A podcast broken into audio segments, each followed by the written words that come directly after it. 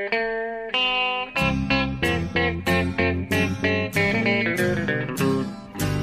out there, we're on the air. It's hockey night tonight. Tension grows, the whistle blows, and the puck goes down the ice.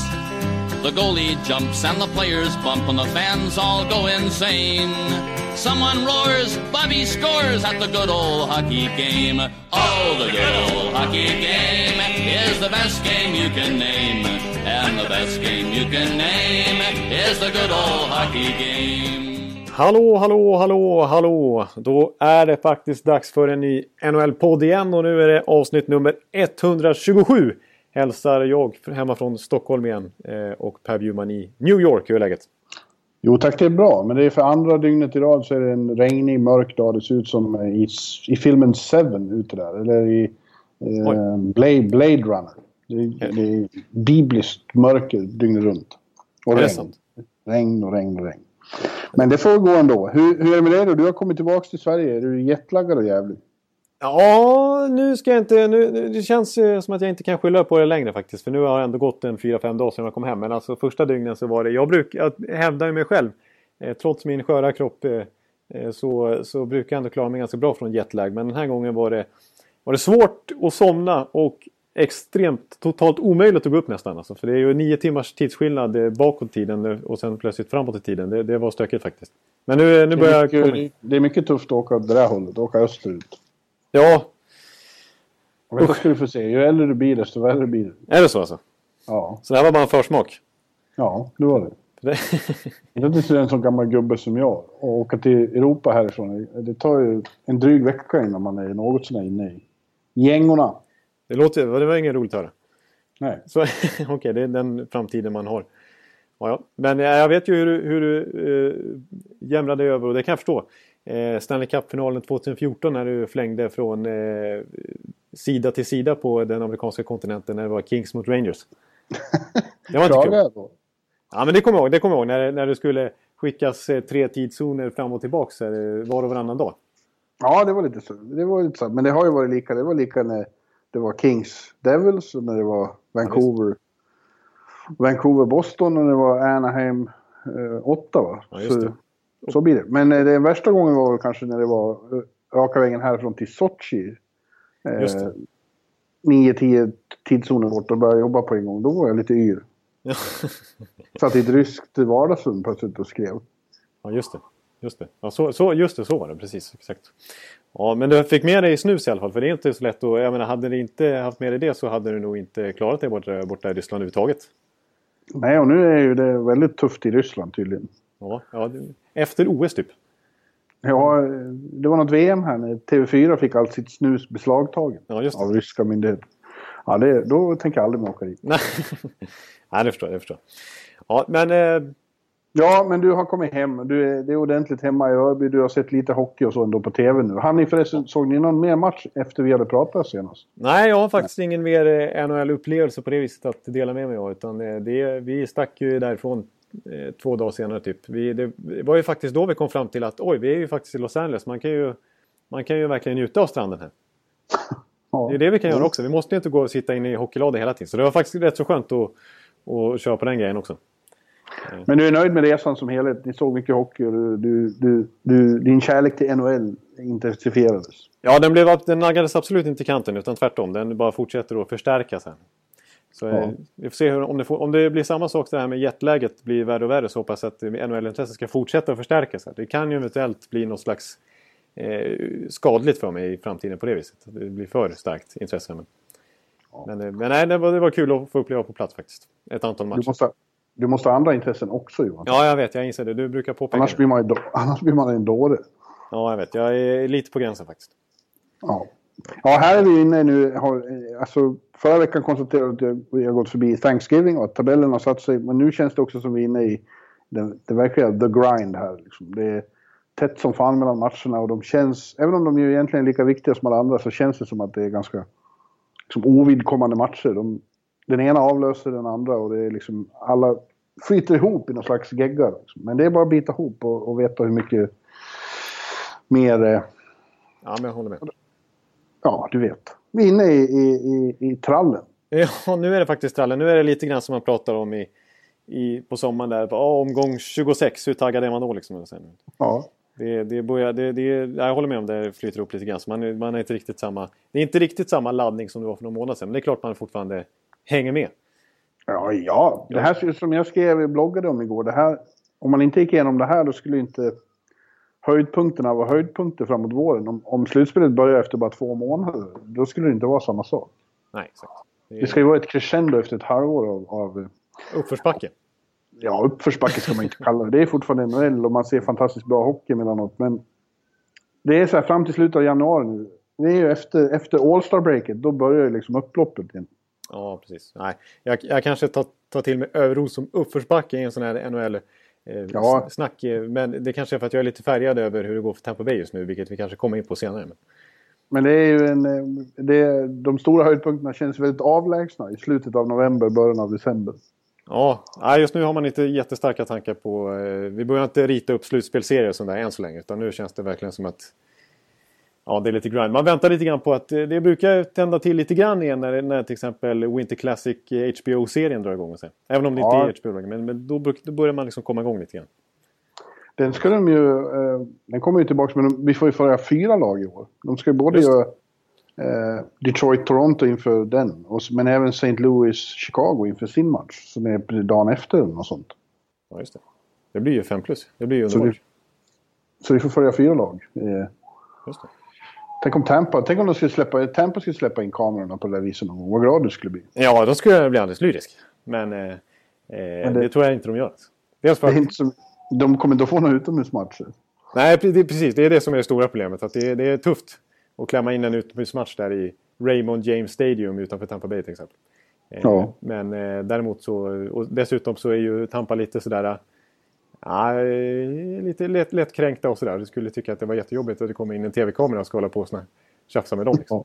Det går inte. Den, eh, den arenan har jag faktiskt varit på sett en U2-konsert. Raymond James? Ja, jag Snyggt. och Ekvall, jag vet inte om det var slutspel eller vad det var, men vi var i Tampa i alla fall och så plötsligt, fan U2 spelade. Så vi fixade biljetter och så åkte vi på det. Snyggt.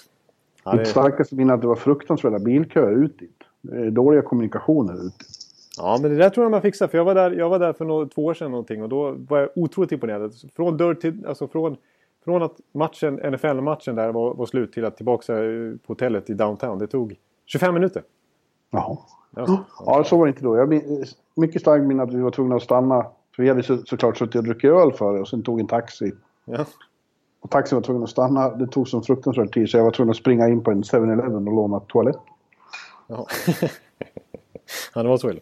Ja, nu, nu, nu tror jag eh, lyssnade... Men jag längtar, till, jag längtar tillbaka till Tampa. Fan, måste dit snart. Ja, men det är, förmodligen så, så syns vi ju där på eh, Tiki-baren kanske i mars då. Ja, jag ska dit innan dess, hör du. Är det så? Ja, det är klart. Ja.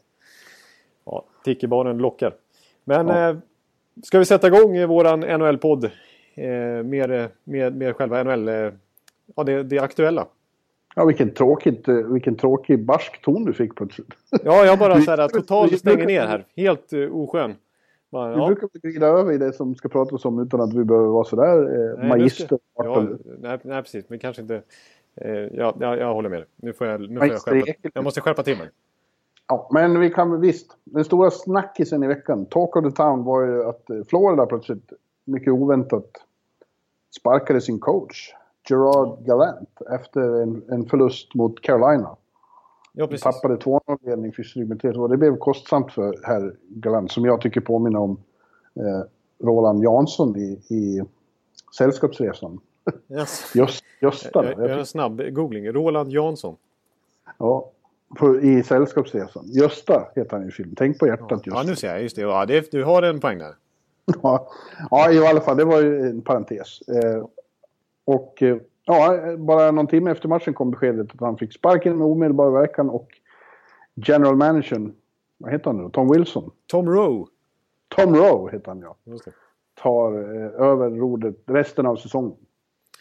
Ja, det, det, var verkligen en, en bomb och det var lite märkligt att se bilderna på när eh, laget försvann till spelarbussen medan eh, ja, Galant helt enkelt fick ta en taxi. Och mm. inte allt, det var liksom ultimata bildbeviset på att han inte ens eh, tillhörde laget bara en timme efter slutsignal.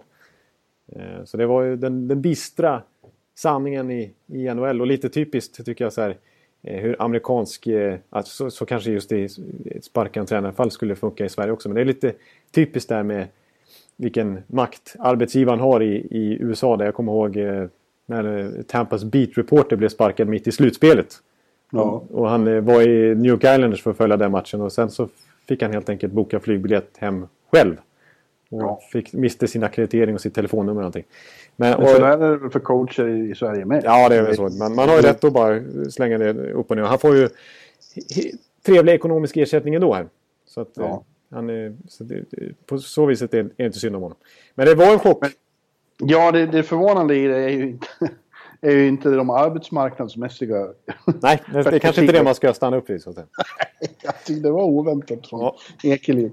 Eh, det är ju mer att eh, han har ju varit, han är ju väl, väldigt, han är välrenommerad. Han, eh, hög status i hockeyvärlden här borta och eh, många är förvånade för att han har haft framgång i Florida sedan han tog över. Fan, bara så sent som i våras så vann de Atlantic Division med 103 poäng. Exakt, det var ju rekord eh, i poäng och rekordantal segrar för Floridas franchise genom tiderna. Ja, och man tänkte att äntligen har den här organisationen som har, som har vinglat så mycket fram och tillbaka så det aldrig blir någon ordning. Eh, äntligen har fått lite stadga och stabilitet och, och har någonting att bygga på. Precis, en, en utstakad redan väg. I somras, redan i somras började de ju göra om allting där. Ja. Och sett, sett i det perspektivet så är det kanske inte så konstigt att han får sparken för det är ju... Det har ju in, implanterats en helt ny filosofi i organisationen abrupt. Ja. Och eh, det är gissningen, eller det har väl bekräftats mer eller mindre från Florida också, att han, han var inte on board med den nya inriktningen som ju är väldigt inriktad på, eller fokuserad på advanced stats, eller hur? Exakt, alltså Florida har ju tagit det här till sin eh, spets lite grann. Eh, framförallt jämfört med andra NHL-lag. Alltså de ligger ju framkant verkligen eh, vad det gäller att verkligen ta, ta till det här som en eh, verklig eh, liksom, eh, riktning i sitt sätt att tänka hockey och bygga sitt lag. Forma sin organisation. Ja, de är, de är Moneyball-laget. Precis, för att eh, det här är ju dels så är ju själva ägaren i sig som Vince Viola är ju själv helt såld på det här verkar det som och har anställt eh, flera personer med den här bakgrunden som han eh, känner väl till. Så att, jag menar, Tom Rowe har, som, som gillar den här filosofin, han har helt plötsligt inom loppet av ett går, år gått från coach i AHL-laget till assisterande general manager till general manager och till nu till head coach.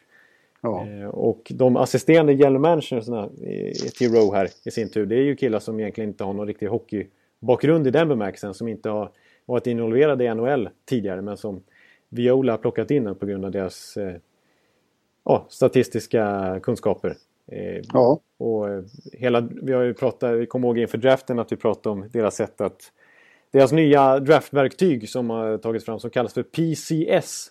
Som, någon, eh, som några riktiga eh, statsnördar har tagit fram.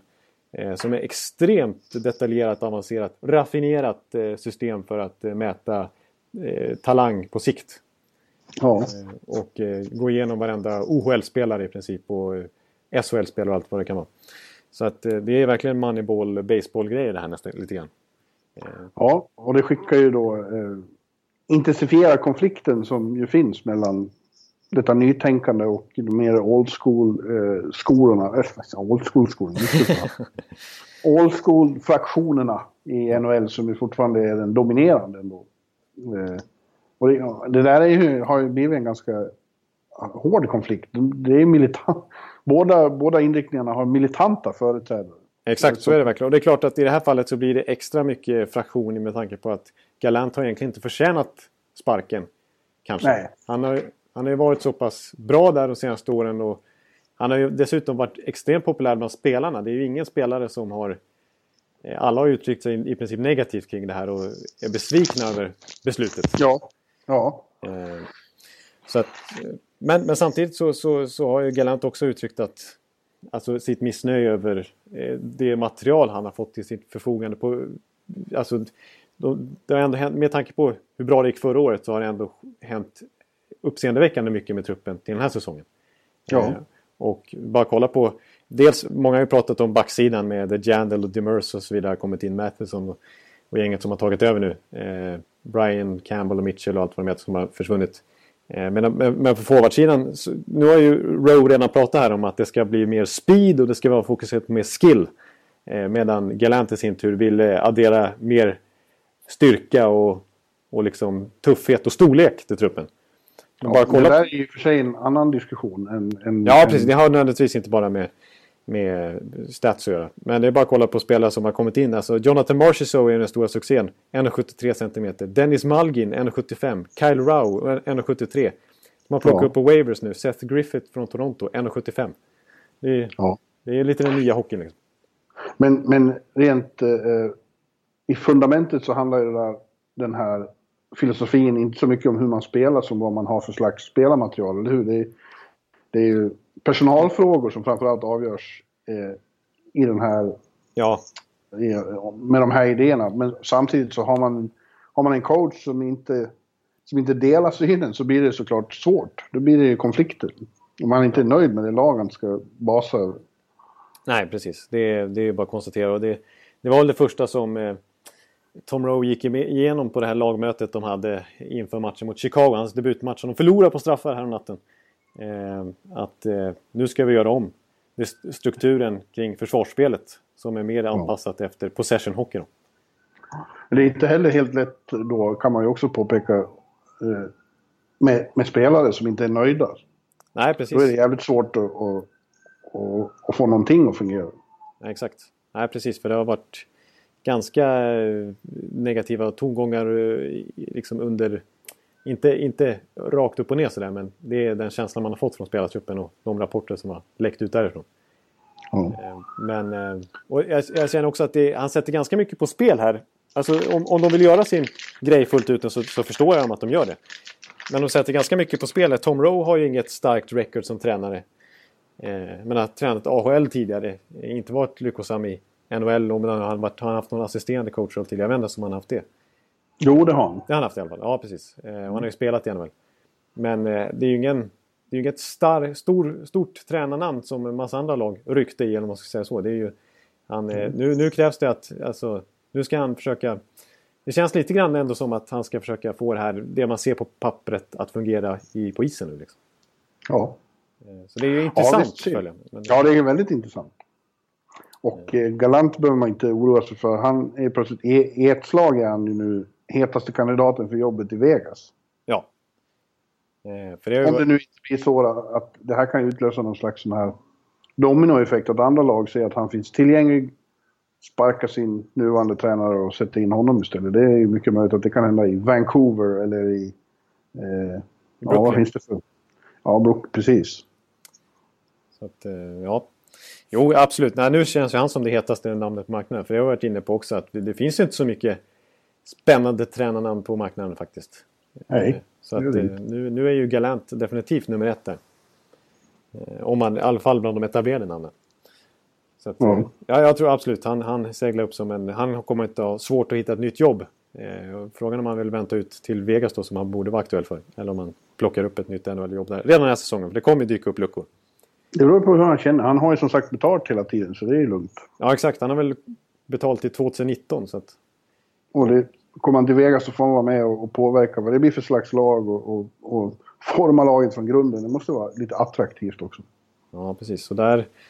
Eh, ja, där har han för sig tagit in lite statsfolk också. Men det är George McPhee som känns lite mer old school kanske. Som kanske lite mer galant passande i stilen.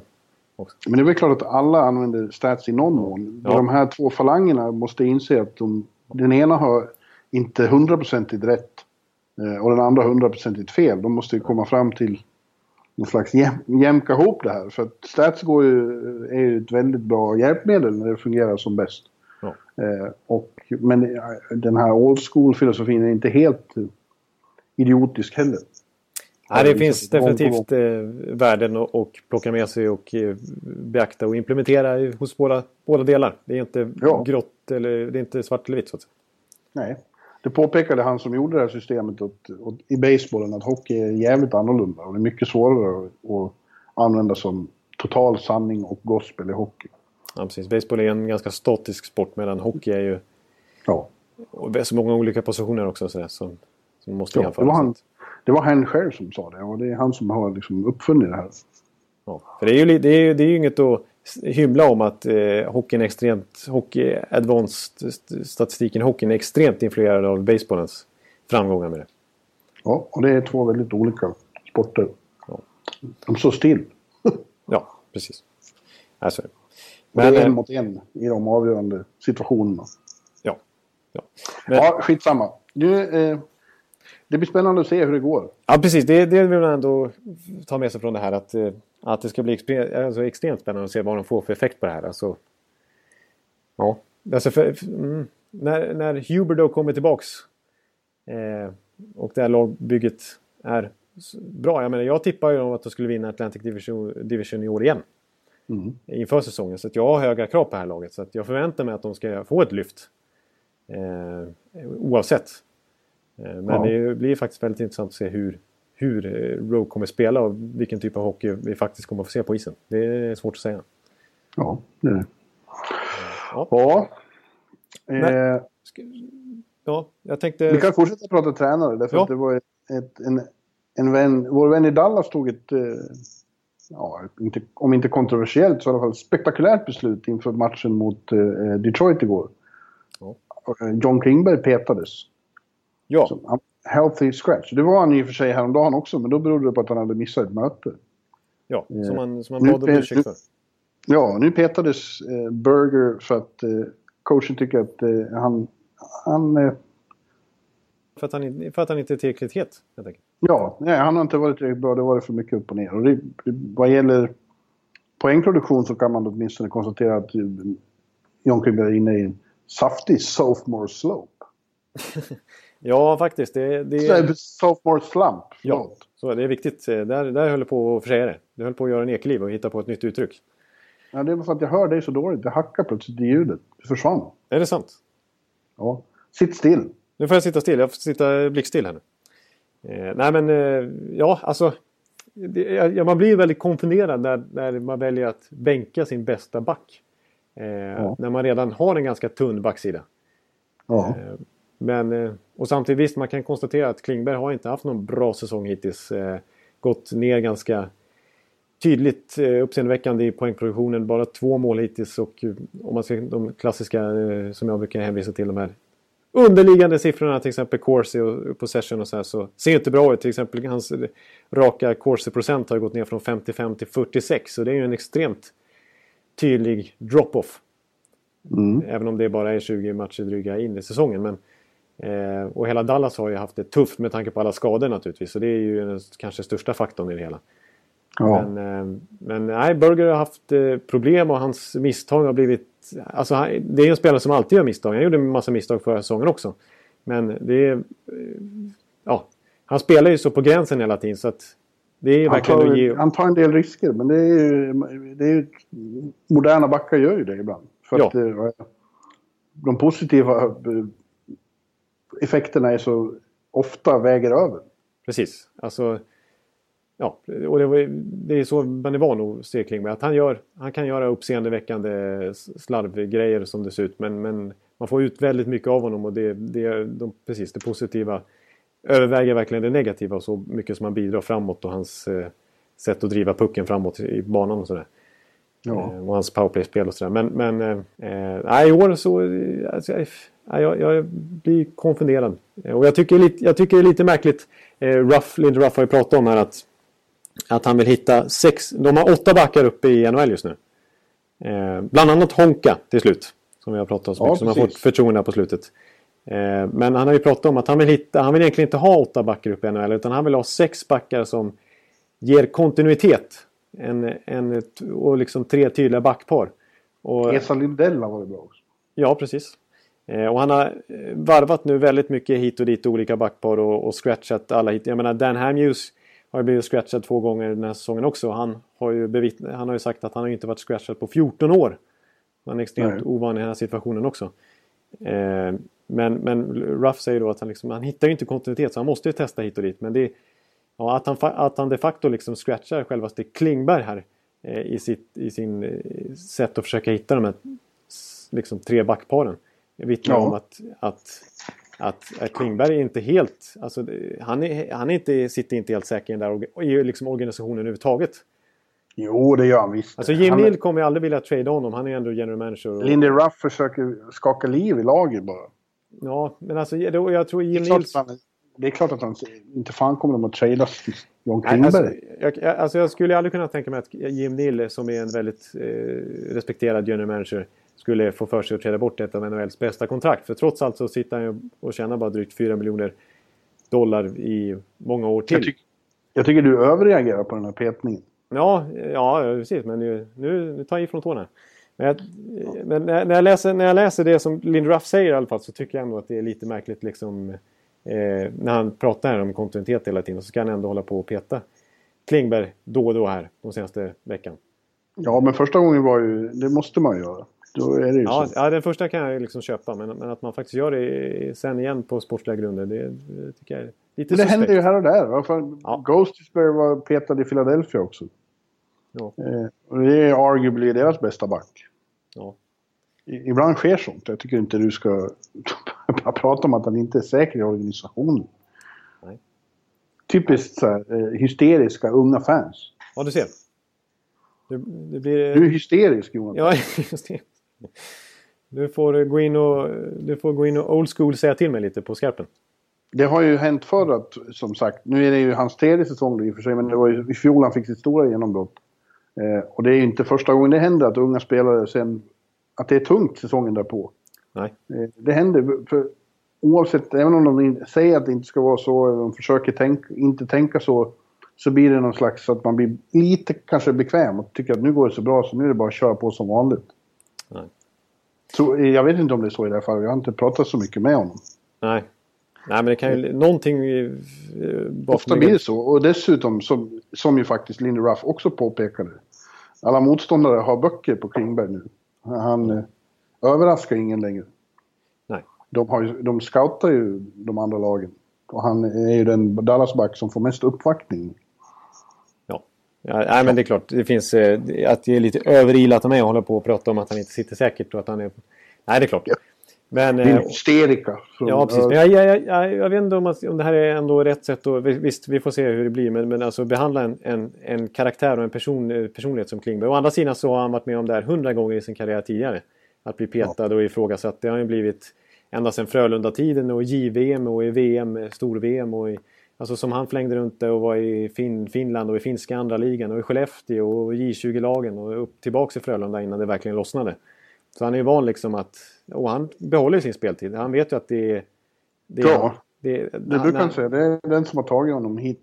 Ja, precis. Det finns ju ingen anledning egentligen för honom att ändra på det. Men jag, ja, det är klart att han kanske behöver en väckarklocka. Att, att, eh, för att han har inte varit bra. Det är, det är bara att konstatera. Och visst, den, den två mot ettan som han ligger bakom eh, mot St. Louis som Lindy Ruff hävdat och gjort att de kunde förlorat matchen. Och som han eh, specifikt pekar på som en anledning liksom att, att eh, räckte nog i princip för att bänka honom. Den, den är ju inte, den är inte snygg.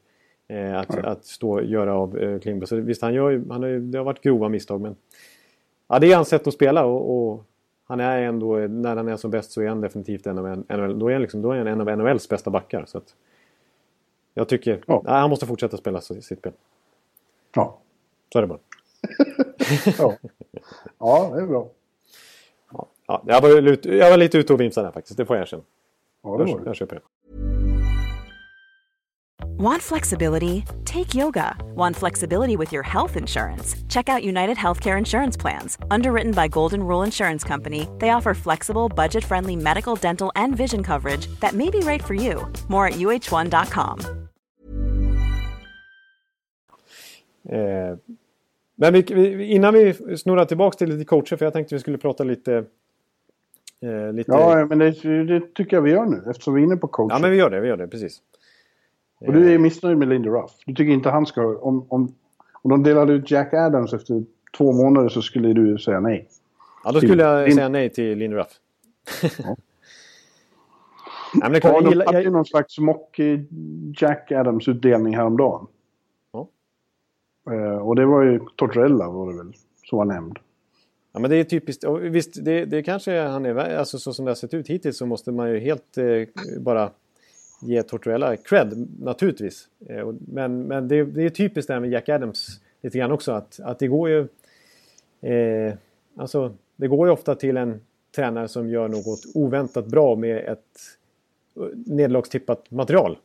Ja, om det nu är han som gör det. Man vet Ja, inte. nej precis. För att, och det har i sin tur inneburit, det har ju i sin tur blivit en förbannelse kring det här. För att Patrick Ra, när Colorado gjorde det så bra och vann Jack Adams och sen så Ja. sket det sig och så var det inte så bra egentligen. Och sen så Paul McLean i Ottawa. Och, Men medan Joel. Quenneville inte får något. nej precis, exakt så. Som är den här erans just nu mest framgångsrika coach. Precis, tre Stanley Cups men ingen Jack Adams under den här tiden.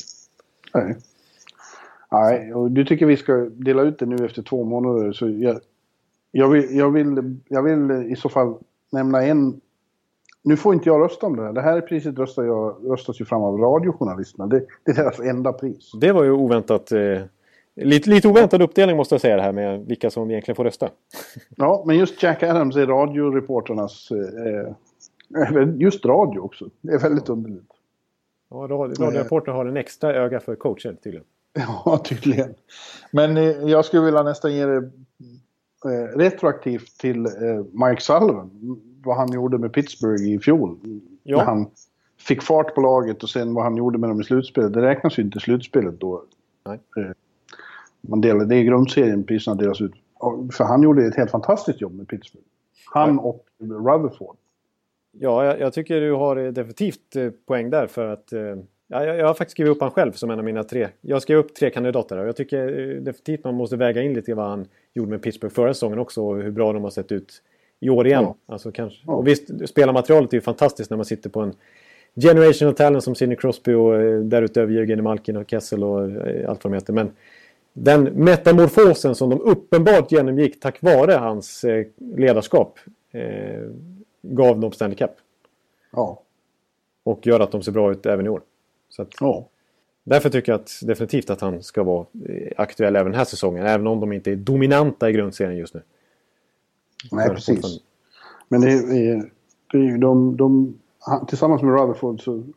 De gjorde ju visst alla de där stjärnorna, men de gjorde det till ett fantastiskt fungerande lag förra året. Precis, det, det, det är bra att du trycker på det. För det var ju kollektivet Pittsburgh man var framförallt imponerad över. Inte nödvändigtvis, och visst, vissa spelare stack ut. Men det var inte så att man... Det var Phil Kessels eh, Stanley Cup 100% eller Sidney Crosbys Stanley Cup bara. Utan det här var Pittsburgh Penguins Stanley Cup Ja. i, i allra högsta grad. Liksom. Ja.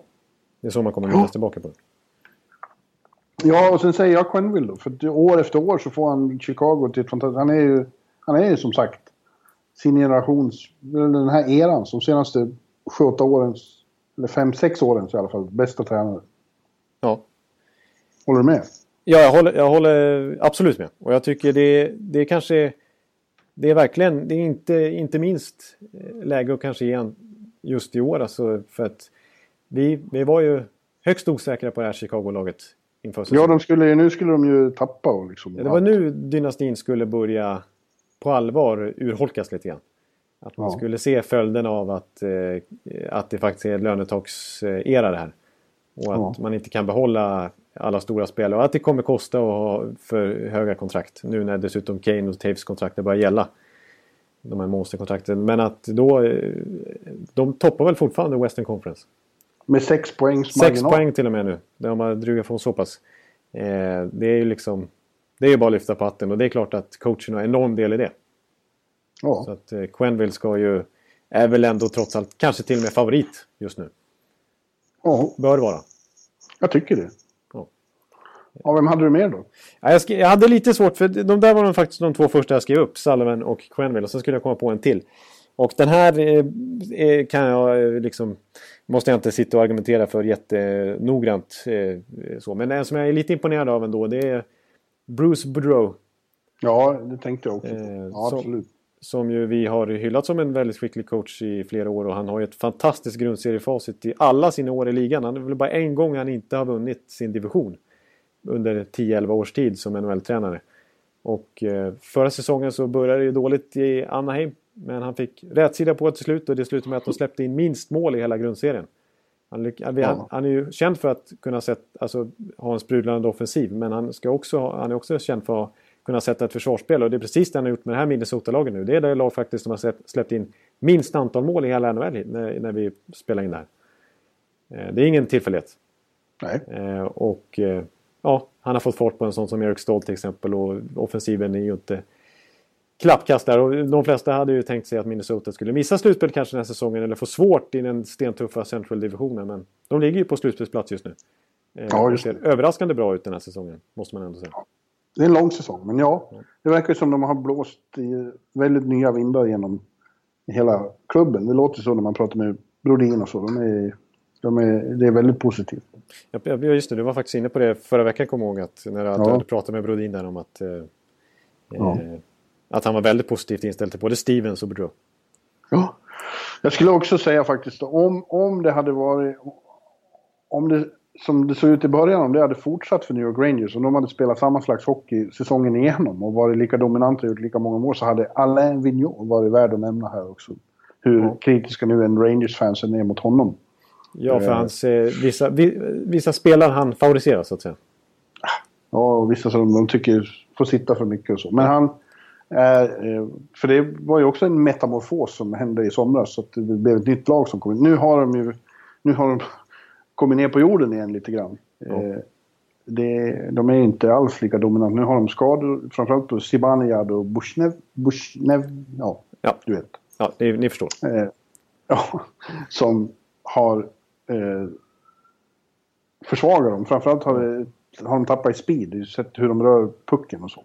Ja, precis. De ser mer ut. Samtidigt är det så att lag, motståndarna Ja, det pratade vi en del om igår på, på Garden efter de slog Carolina då, efter att ha vänt där. Att prata med Lundqvist om det. Det är ju så att ju längre säsongen går, desto mer välorganiserade blir ju lagen. Det tar ett tag innan det sätter sig. Så det kommer inte att vara några 7-2 matcher hur som helst längre fram i serien. För de blir mer välorganiserade och de scoutar motståndarna. Så det blir, det blir mycket tajtare. Mindre tid och mindre utrymme. Ja, jag... det, är en sak, det är en sak att ställa till med show i oktober det blir mindre med det i, efter, efter december. Ja, exakt. Jag vill, jag vill tycka att det är relevant att tillägga i, i Rangers tidiga succématcher där när de gjorde fem mål var och varannan match att det fanns ett litet chockmoment för motståndarna i det hela. För man är inte van att möta ett Rangers som spelar på det här sättet. Nej, precis. Liksom, de blåste ju motståndarnas taktiktavlor av banan lite grann. Ja. Men nu börjar det bli mer. Och, eh, men, och, ja, men jag tycker jag ändå gör det bra. Vi ska också nämna Tortorella där. Du måste ändå nämna honom. För att visst, det, blir, det blir lite förfelat med Jack Adams som det alltid ska vara. Eh, bara de som överraskar. Men den överraskningen är ju så stor. Och, eh, det verkar ju, verkar ju vara så att han har... Det har vi varit inne på redan tidigare. Att han, han har... Han har helt enkelt anpassat sig till moderna tider och tagit tillbaka sitt gamla credo. Eh, safe is death. Ja. Och Columbus brakar ju på alltså. De gör ju också jävligt mycket mål. De gör ju väldigt mycket mål i var och varannan match. Och släpper också in jättelite mål. Det är, jag tror att de är efter Minnesota det lag som släpper in minst mål faktiskt. Ja, och de sliter ut den där kanonen i Nationwide Arena. Ja, den, den är man ju trött på alltså. Den bara, ja. den bara skjuter och, och låter och buller. Och Wennberg och Alexander Wennberg och William Karlsson är ofta inblandade i att den, att den får låta. Ja, exakt. De anför varsin kedja kan man säga. Det är det som är som är lite moderna med det här Columbus-laget också att de har ju faktiskt de har ju bredd liksom. De har ju flera kedjor som levererar. Det är, och det är långt ifrån varje natt som alla kedjor är heta men det är alltid någon som, ja. som är het. Och sen så måste man ändå konstatera att backsidan är ju, den är ju bra. Alltså Worenski är ju en sensation. Vi var inne på det inför säsongen att han kunde bli det men att han skulle bli så här pass bra så här tidigt eh, hade man inte förväntat sig. Och Seth Jones har ju verkligen kommit in i gängen där nu och ser ut som en den franchiseback de hoppar på. Hoppas, hoppades. Hoppar de på honom? Som, som de hoppade på. Ja. de får inte hålla på och hoppa Nej, det, det är ingen bra strategi. Det låter som en gammal Tortorella-strategi, men, men så tror jag inte han gör. Jag tror inte han står och hoppar på honom inför matchen.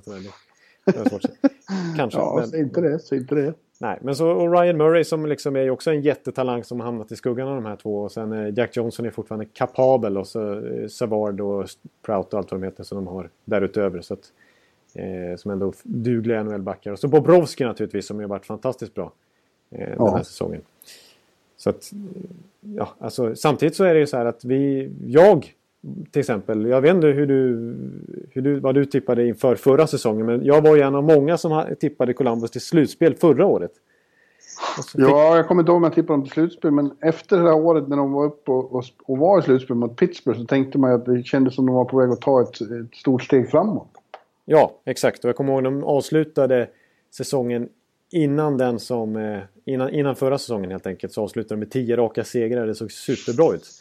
Mm. Eh, men så fick de den här brutala starten med sju raka torsk istället förra året och, och Todd Richards fick sparken. Eh, och Tortorella kom in och det var redan kört. Kändes det som. Eh, och nu har de... Det hade de ändå satsat lite och låg klistrade mot lönetaket med den truppen som torskar sju raka matcher. Så att, och de har inte kunnat göra så mycket åt den sedan dess utan de har fått hoppas på, på utveckling på sina talanger och på den, trupp, den befintliga truppen och det har ju precis det som har skett. Eh, för att Wennberg såg man ju faktiskt inte framför sig att han skulle leda assistligan i powerplay i NHL så här långt. Nej. Att han skulle dominera som han gör faktiskt på högersidan i powerplay. Eh, och att Wierenski skulle få en, alltså som vi redan varit inne på. Och många andra. En sån som Josh Anderson som var AHL-spelare förra säsongen. De vann ju faktiskt AHL ska vi konstatera i Calder Cup här i våras. Och flera av dem har ju faktiskt kommit upp och sett riktigt bra ut. En sån som Lukas Sedlak också. Ja. Men det är också och samtidigt då att en, en sån som Wennberg som är första center eh, har fått sitt stora genombrott i år. Varken mer eller mindre. Ja. Han delar första platsen i svenska poängligan med Niklas Bäckström. Ja. Efter 20-something matcher. Det hade man kanske inte räknat med. Nej, precis. Det är faktiskt en... Det, det, hade jag... Alltså, jag gillar honom, men jag hade inte de här förväntningarna på honom överhuvudtaget. Eh, ja, man är förvånad, men tittar man på matcherna nu med Columbus så ser han ju bra ut. Så det känns inte som att det bara är fluk. Visst, han, han, spelade väl, han spelade väl i ditt Djurgården innan han kom över? Ja, mitt Djurgården vill jag inte påstå bara för att de är Stockholm, stockholmare. Jag trodde du var Djurgårdare. Ja, det, nej, nej. Du påstår att du inte har något lag. Men det tror ja. jag bara är Djurgården. Ja, jag har ett lag i, i Sverige. Ja. Men det, det, det, vill jag inte erkänna för att då skulle du bli vansinnig. Ja, vänta nu. Är det Brynäs? Ja. Ja, ja det har du sagt någonting om förut. Vad är det för dumheter? Vi kanske måste stänga av podden. Eller kan fortsätta. Varför? Du kommer från Örby. Ja, men min farsgubben är ju uppifrån... Eh, farsgubben? Uppifrån, eh, uppifrån Gävletrakten vet du. Så jag har blivit ibankad eh, Brynäsmatcher i överflöd under min uppväxt faktiskt. Säger farsgubben? Hej farsgubben, säger du så? Ja, det, det får han höra. Jaha. Ja. Ja, ja, ja, du får ju ha dina eh, perversioner för, för dig själv. Det kunde ha varit värre. Du kunde ha hållit på Mora också. Ja, just det. Nej, det, det, det, det, det gör jag inte. Helt enkelt. Nej. Nej, okay. Ja, det där var ett sidospår. Ja. Men det är en som inte är aktuell för eh, någon tidig Jack Adams är John Cooper. Nej, det är han inte alls. Eh, nu är det ett annat lag som jag uppenbarligen eh, helt uppenbart har sympatier för. Tampa Bay Lightning. Ja, vi måste, vi måste helt enkelt prata lite Tampa nu. Även om det finns läsare som får taggarna utåt så fort Jonte här börjar prata om Tampa. Men de är ju så ja. dåliga just nu så vi måste prata om dem. För de ska ju vara ett topplag men se ut som ett bottenlag. Ja, de, alltså att, att de ser ut som ett bottenlag är ingen underdrift så som de har spelat de senaste en och en halv veckan. Alltså, tyck, alltså ja, med några få undantag sedan Stamkos blev skadad så har det sett riktigt dåligt ut. Eh, ja. Och, är det eh, vad det handlar om? Så du blir alltid pratat om att de har varit så bra på det där. Ja, jag, jag är förvånad. Hantera skador och, för, och... För, för, en som verkligen märks att han är borta också, det är Strålman. Eh, ja. Men det som gör mig lite förvånad är att när de vann två slutspelsrunder så otroligt imponerande innan de tog Pittsburgh till sju matcher i slutspelet där förra, i våras var ju att då var de ju utan både Strålman och Stamkos. Eh, Strålman missade ju en god portion av slutspelet. Eh, men det såg bra ut i alla fall. Eh, så nu är det i princip det laget som är så här dåligt eh, nu helt plötsligt. Och jag tycker, så jag tycker egentligen inte att det sitter i materialet utan det sitter verkligen i huvudet det här. Alltså det, det är någon märklig mättnadskänsla eller vad man ska kalla det. Jag vet inte vad det är som gör att Tampa är så tafatta. Så de kan inte bry sig i, i grinden. De vill Nej, det är den här grinden de är inne i. Det är typiskt en... Där har du en, en poäng. För att, ja, det är så, de hamnar i underläge i var och varannan match. Här. Nu har de haft fyra raka matcher. De har hamnat i minst tvåmålsunderläge. Och ända sedan säsongen började så har de ju hamnat i underläge i väldigt många matcher och fått jobba sig tillbaka. Och tagit jobbiga segrar så att säga. Verkligen fått kämpa för dem. Eh, och nu känns det som att de inte riktigt orkar med det längre. Alltså när de väl hamnar i underläge så känner de inte längre för att lägga på den extra växeln och, och göra en comeback. För nu, nu, nu känns det som att det rasslar in två, tre mål i första perioden som det har gjort flera gånger här nu så äh, då skiter de i det. Liksom. Ja, det låter ju som det är tränarens fel. Ja, det låter ju lite som ett eh, tränarfel faktiskt. Det är han som ska motivera dem. Även i, när det är mörkt i november. Ja.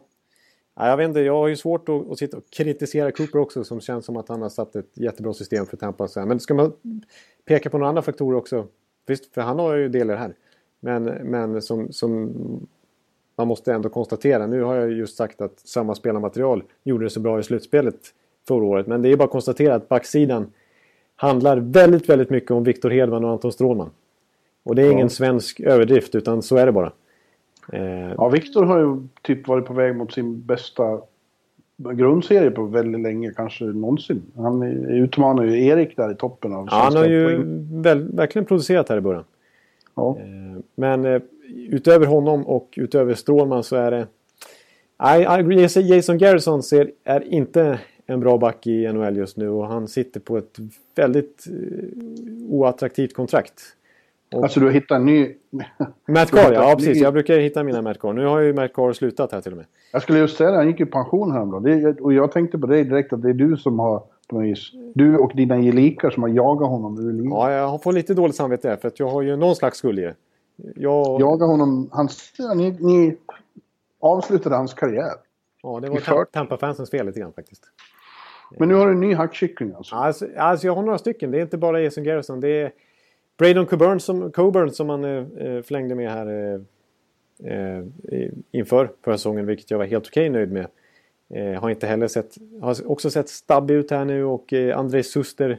Alltså de här storväxta backarna som de verkligen har satsat på. Eh, ser ju tyvärr stabbiga ut just nu. Mm. Eh, och eh, man hoppades på utvecklingen på sådana som Slater Kuku och Nikita Nesterov och de här unga små, små offensiva backarna som inte har eh, tagit rätt kliv i utvecklingen. Samtidigt som en sån som Anthony DeAngelo gör succé i Arizona. Och det var en kille som Tampa lättvindigt tradade bort här i somras. Han skulle... Succé och succé. Ja, succé, succé väl ta i, men han har ändå, han är ändå rattat powerplay där tillsammans med Oliver Ekman Larsson nu helt plötsligt. Eh, så att... Eh, Ja, jag tycker det, det, och sen så gör de ju väldigt lite mål nu också. Det, det är formsvaga. Alltså Tyler Johnson hade visserligen poäng i sex raka matcher nyligen men har, eh, ser inte speciellt bra ut. Andrei Palat, min personliga favorit, också eh, ingen stor säsong. Jonathan Drouin som börjar så bra har inte kommit tillbaka starkt efter sin senaste hjärnskakning och sådär. Så, så det, det, det, det, är mycket formsvaga spelare. Eh, ja. men de kan behöva... De, ja, men, men du ser, nu är jag sådär. Nu håller jag på att överdriva igen. Ja, de, de kan behöva lite adversity. Det, det mår de nog bra av sen när det blir dags att spela stora matcher. Ja. Eller redan nu i grundserien får, en, får känna att vi måste ta i också. Ja, för det är det de inte gör just nu. Det, man är inte så orolig för spelarna egentligen och sådär. Man, man behöver, ska inte behöva vara det för att man vet ju hur mycket mer det finns i det här laget. Även ja. utan Stamkos och Strålman. Men, eh, eh, nej, de, de, de, det, det, det är huvudet det sitter i alla fall.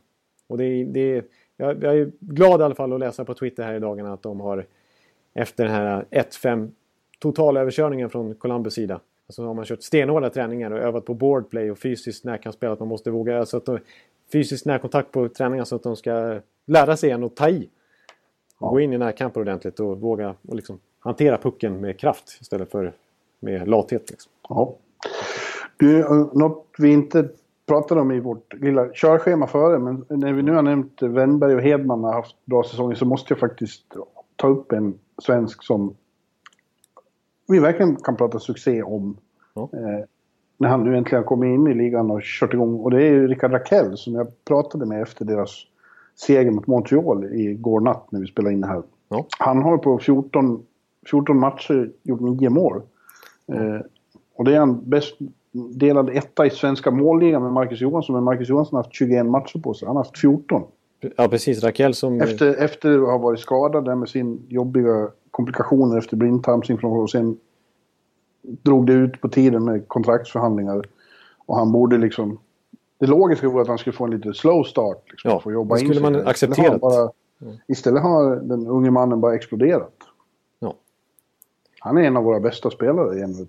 Ja, det, det tycker jag. Och det känns som att, att han kanske inte kommer hålla i den här målfarten men att han kommer fortsätta vara en av, alltså numera kan betraktas som en av Sveriges bästa målskyttar i hockeyvärlden överhuvudtaget. Ja. Eh, och att han är... Eh, ja, att han är, att han är god för att göra en... Eh, alltså vara en väldigt poängproducerande spelare på sikt här. Ja, han sa också, han nämnde att det blir... Det var en fördel för honom att spela forward istället för center. Man får mer chanser som forward. Ja, jag, jag tycker personligen att han känns som mer som en ytterforward än center. Ja. Alltså, Alltså, den, så hal som han är. De säger till och med forward och center. Inte ytterforward. Nej, nej, det är så de jobbar där borta. Mm. Ja. Eh, och eh, ja, vi, Anaheim överhuvudtaget som lag har ju... Ja, de, de går ju riktigt bra. De är lite ojämna och han kunde inte förklara varför. Men han höll med om det. Det är för mycket upp och ner. När de är bra så är de jävligt svårslagna men de gör en del plattmatcher också. Ja. Ja, jag såg ju dem en, en hel del då i, i Florida, eller i, Ja, i Kalifornien. Så jag, jag har ju sett den här ojämnheten men också de höga topparna. Eh, Och eh, la ju i allra högsta grad märke till Rakels framfart då. Eh, alltså vilken kedja han än spelade i var ju den bästa nästan på isen. Alltså han fick ju igång Antoine Vermette när han var i den kedjan och han fick ju framförallt igång både Getzlaff och Perry när han var med dem. Eh, Ja. Så han kändes ju liksom som deras överlägset hetaste spelare just då, eller formstarkaste spelare. Rocket Ricky. Ja. Eller Ricky Rocket. Ja, jag, Eller bara Rocket. ja. Kanske den nya Rocket. Rocket ja. Richard. Ja, nej, Rocket, Rocket, Raquel. Rickard. Rock, ja, just det. Precis. Ja, precis. Ja. Har du något mer att komma med då? Ja, eh, vi, vi hade en eh, trevlig säsongsdebut i, i gårdagens, på tisdagskvällen. Och det var ju att Jack Eichel äntligen fick... Han var ju skadad precis innan säsongspremiären och först nu har han kunnat begå debut. Men det gick ju utmärkt direkt. Ja, jo, men det gjorde det. Han såg bra ut. Han gjorde väl 1 plus 1 i, matchen och faktiskt redan i första perioden. Ja, Eh, och såg bra ut. ja. Het. Eh, ja, jag trodde faktiskt han skulle bli borta lite längre när skadan väl skedde. Men eh, han kom ja nu, när, nu när fler och fler... Vänta, nu tappar jag fram en hörlur. Oj, Nu stoppar jag i den igen. dra mig Eh, på den igen. Ja, ja. Eh, när de har fullt lag och han framförallt är frisk. Jag tippade ju dem eh, som överraskning. De och eh, Carolina har jag tippat i slutspel. Ja, precis. Och jag, jag känner mig inte alls eh, discouraged av vad som händer. Nej. Nej, precis. Och som sagt, vi är ju bara inne i ja, snart december här nu. Ja. Eh, Så att det är ju inte, man ska, vi, vi ska inte sitta här och, och ropa hej än åt eh, varken det ena eller andra hållet. Det finns väl, väldigt många matcher att, att jobba med kvar än. Och när Eichel är tillbaka nu så är det bara att titta på den här topp 6. Det ser ju bra ut. Och faktum är ju dock att Buffalo är det lag som har gjort minst antal mål i NHL så här långt. Ja, Men men, de tittar- har ju saknat honom också. Precis, de har saknat honom och Evander Kane som det varit mycket rykten om och eh, eh, som det fortfarande är lite rykten om eh, på trade-fronten. Eh, har ju for- fortfarande inte gjort mål än, men har börjat se lite bättre ut nu och såg ut att trivas fint med Eichel i samma kedja här nu i, i, i, i debutmatchen. Här. Så att får de igång honom, det finns mycket sparkapital att jobba med där i Buffalo Sabres. Och Ryan Ja, det O'Reilly... är, så, det är så trångt i kön där bakom i, i öst. Ju, de ligger näst sist och har bara fyra poäng upp till strecket. Ja, exakt.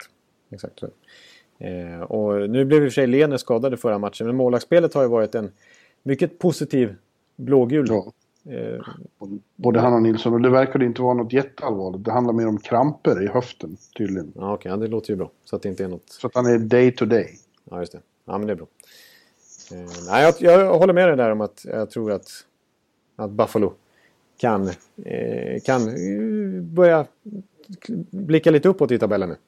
Ja, det tror jag. Även om jag konstaterar lite när jag tittar på deras, bara, bara helt enkelt på deras poängskörd och sådär, att, man, att jag är lite förvånad kanske lite grann, eller lite besviken på vissa spelare som eh, andra unga eh, spännande spelare som, som, som inte riktigt har tagit nästa steg. En sån som Semgus Girgensson som det var så mycket snack om för några år sedan och som kuppades in i All-Star-match till och med av eh, lettländska folket.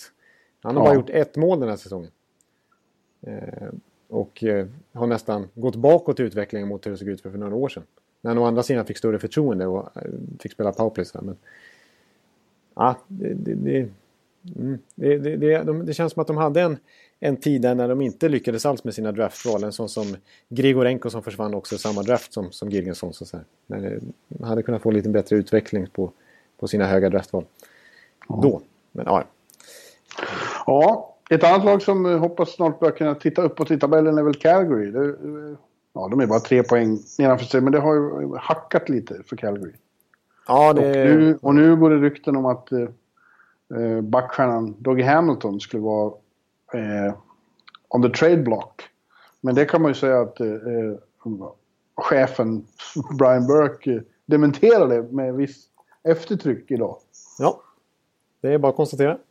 Eh, jag har det framför mig vad han, vad han sa det var allt möjligt. Jag ska inte prata engelska nu. Kanske, vi kanske får spela upp den eh, Victor Norén-låten efter podden här, eh, i sådana fall. För att jag har, när jag försöker prata engelska, det blev en låt för, för, för ett år sedan tror jag. Eh, det låter bedrövligt. Men det var ju raka besked att, att vi absolut inte fått något Eh, eh att de absolut inte erbjuder bort honom utan att de värderar honom jättehögt och att de skulle, ja möjligtvis om något lag erbjuder dem 20 draft första val. Ja. kanske de skulle tänka på att trada bort honom för att till och med Wayne Gretzky blev tradad en gång i tiden så det går inte att säga rakt av mig. Men, men, han, Nej, men han var ironisk också och sa ju att ja, det är så lätt att få tag i den här sortens backar. Ja, och så sa han att han, han är ju typ två meter lång och han väger 100 kilo. Han är right shot defenseman som alla vill ha och han åker skridskor som en ballerina. Liksom. Ja, ja. sådana är så lätt att få tag i. Så. Ja. Eh, och han, och han, han sa ju till och med att, att han trodde att det här ryktet hade kommit ut efter att eh, General Mansion Brad Treliving hade fått ett... Eh, Treliving, eller hur säger man egentligen? Ja, ja, ja, vi ska inte ge oss in på det. Jag, jag tror inte någon i kanadensare riktigt vet heller hur man ska uttala det. Men eh, att, eh, att, eh, att det faktiskt fått ett bud på Dog Hamilton. Eh, och frågat om han var available och det, och det var inte, då, då sa Treleving och Calgary-staben där att nej det är han inte alls. Eh, om ni inte har ett bättre bud. För det budet de fick var insulting. Ja. Det var katastrof. Och skulle, skulle den här general managern fortsätta på samma sätt då skulle han röja hans namn till och med. För nu var han ja, nu schysst. Han honom. Precis, nu hävdade han att vara schysst och sa att han ska inte säga vem det är som håller på med sådana här dumheter. Men fortsätter det, ja, då kommer han säga vem det är. Vem idioten som han till och med kallar honom. I ligan är. Så det ja, var stenhårda det... ord från Brian Burke. I vanlig ordning. Ja, men eh, man kan spekulera. Ja, han är ju en, en karaktär, det får man verkligen säga. Det är roligt med honom. Han är väl en dinosaurie, men också en väldigt underhållande dinosaurie. Ja, alltså man, man, man, tycker ändå att det är trevligt att han är kvar i ligan fortfarande. Att han, han bidrar ju fortfarande på sitt sätt. Ja. Det är ju bara att konstatera. Han är inte den typen som skulle sparka Jared Gallant för att ta in Tom Rowe. Nej, det är han inte. Men vem tror du det var som insaltade honom? Då? Ja, ja, det, kanske? Ja, han undrar om det är något, eller vad det kan vara, alltså, eller om det skulle kunna vara typ John Shaken, 26-åring som kommer att sätta sig på honom eller sånt där. Garth, Garth Snow? Ja, ja, ja, ja precis. Eh, ja. Nej, jag, jag, jag, eller om det är Leafs för att han hade en liksom, Han hade ju ingen schysst underton mot Leafs hela tiden heller eftersom att det har pratats mycket om att eh, Maple Leafs skulle väl vara ute efter, efter eh Doggy Hamilton. Och till och med, i, här måste vi nämna i sammanhanget, även om det inte finns någon substans i det här. Det här är ju bara ett rykte som har slängts ut av Leafs-fans. Men som Darren Drager faktiskt kommenterar. Eh, William Nylander mot Doggy Hamilton. Oj, oj, oj. Och eh, Drager sa till och med att Uh, this is uh, this is something that Calgary should seriously consider. Men det var Jesus. Bara, ja, precis. Men det här var ju ingenting som han hävdade var ett rykte utan det var ju bara ett förslag som han tyckte lät bra själv personligen. Mm. Men, det var en, en bekant till mig som skrev på Twitter då, att hade, hade det varit på tiden när Burke var i Toronto då hade han själv erbjudit 20, 20 första val plus Marner. för, så, för så, gjorde, så gjorde de business i Toronto på den tiden. Ja, just det. Ja, ja precis. Jo, det, det, det, det skriver jag under på i och för sig. men, men jag tänkte, apropå det stått också så eh, var det en kollega till mig faktiskt som precis innan jag klev in i poddrummet här, så det är jag inte helt säker på om det stämmer, men det kan mycket väl stämma. Att, att, Brady, att eh, Burke ska ha sagt det här om eh, eh i ett tidigare sammanhang med någon spelare att han skulle ha velat jag kommer inte ihåg vem det var, men att han skulle ha sagt samma sak. Typ att nej, han är inte tillgänglig om vi inte ens får, om inte får tio första val för honom. Eh, och sen så blev han faktiskt tradad för mycket billigare naturligtvis. Ja. Kort senare. Så man ska inte ta hans ord på för allt för stort allvar. Alla nej, gånger. ska man inte. Du, nu måste jag börja packa ihop. Jag har vänner här som ska åka med ett sent flyg hem. Så jag ska hjälpa dem att ta sig ut från lägenheten ja. med väskor och grejer. Jag förstår. Och eh, eh När jag, när jag tittar på inspelningen här så är det väl i princip prick en timme vi har spelat in. Så det får väl vara nöjda och glada med den här veckan. Ja, det får vi. Det tycker jag. Och så återkommer vi om en vecka ungefär. Ja. Med glada tillrop. Ja, ja då, då, har vi, då är vi tillbaka igen. Och då ska jag inte vara sådär barsk som jag var i början av podden. Nej, När jag höll på som någon slags magister. och inte sen hysterisk heller. Nu Nej, precis. Jag har mycket faktiskt eh, att lära från den här timmen. När jag har varit ute och alla möjliga håll och kanter. Jag måste skärpa till mig nu. Nu tog jag en turkisk peppar också. Jag ber om ursäkt. Jag kan göra det nu i slutet av här. Ja, det tycker jag ska. Ja. Jag har fått turkisk peppar från Sverige. Så, ja, det, det, det, det köper vi rakt av. Men eh, alla lyssnare och eh, Bjupp, vi hörs nästa vecka och ha det så gött tills dess. Japp. ja, ha det bra. Ha det bra allihopa. Hej! Hej, hej. What comes around goes around. What comes around goes around. What comes around goes around. What comes around goes around. What comes around goes around. What comes around goes around. I take a lot of pride in that. People could probably criticize that I'm a little too honorable, I suppose. What comes around goes around. I've been a firm believer my whole life that what com- goes around comes around. If you're one of those guys that sucker someone when they're down, you go after somebody that doesn't deserve it or isn't the same category as you. Sluta med de här dumheterna och ägna dig åt det du är bra på. Annars är din karriär slut. What comes around goes around. What comes around goes around. What comes around goes around. What comes around goes around. Around. Goes around.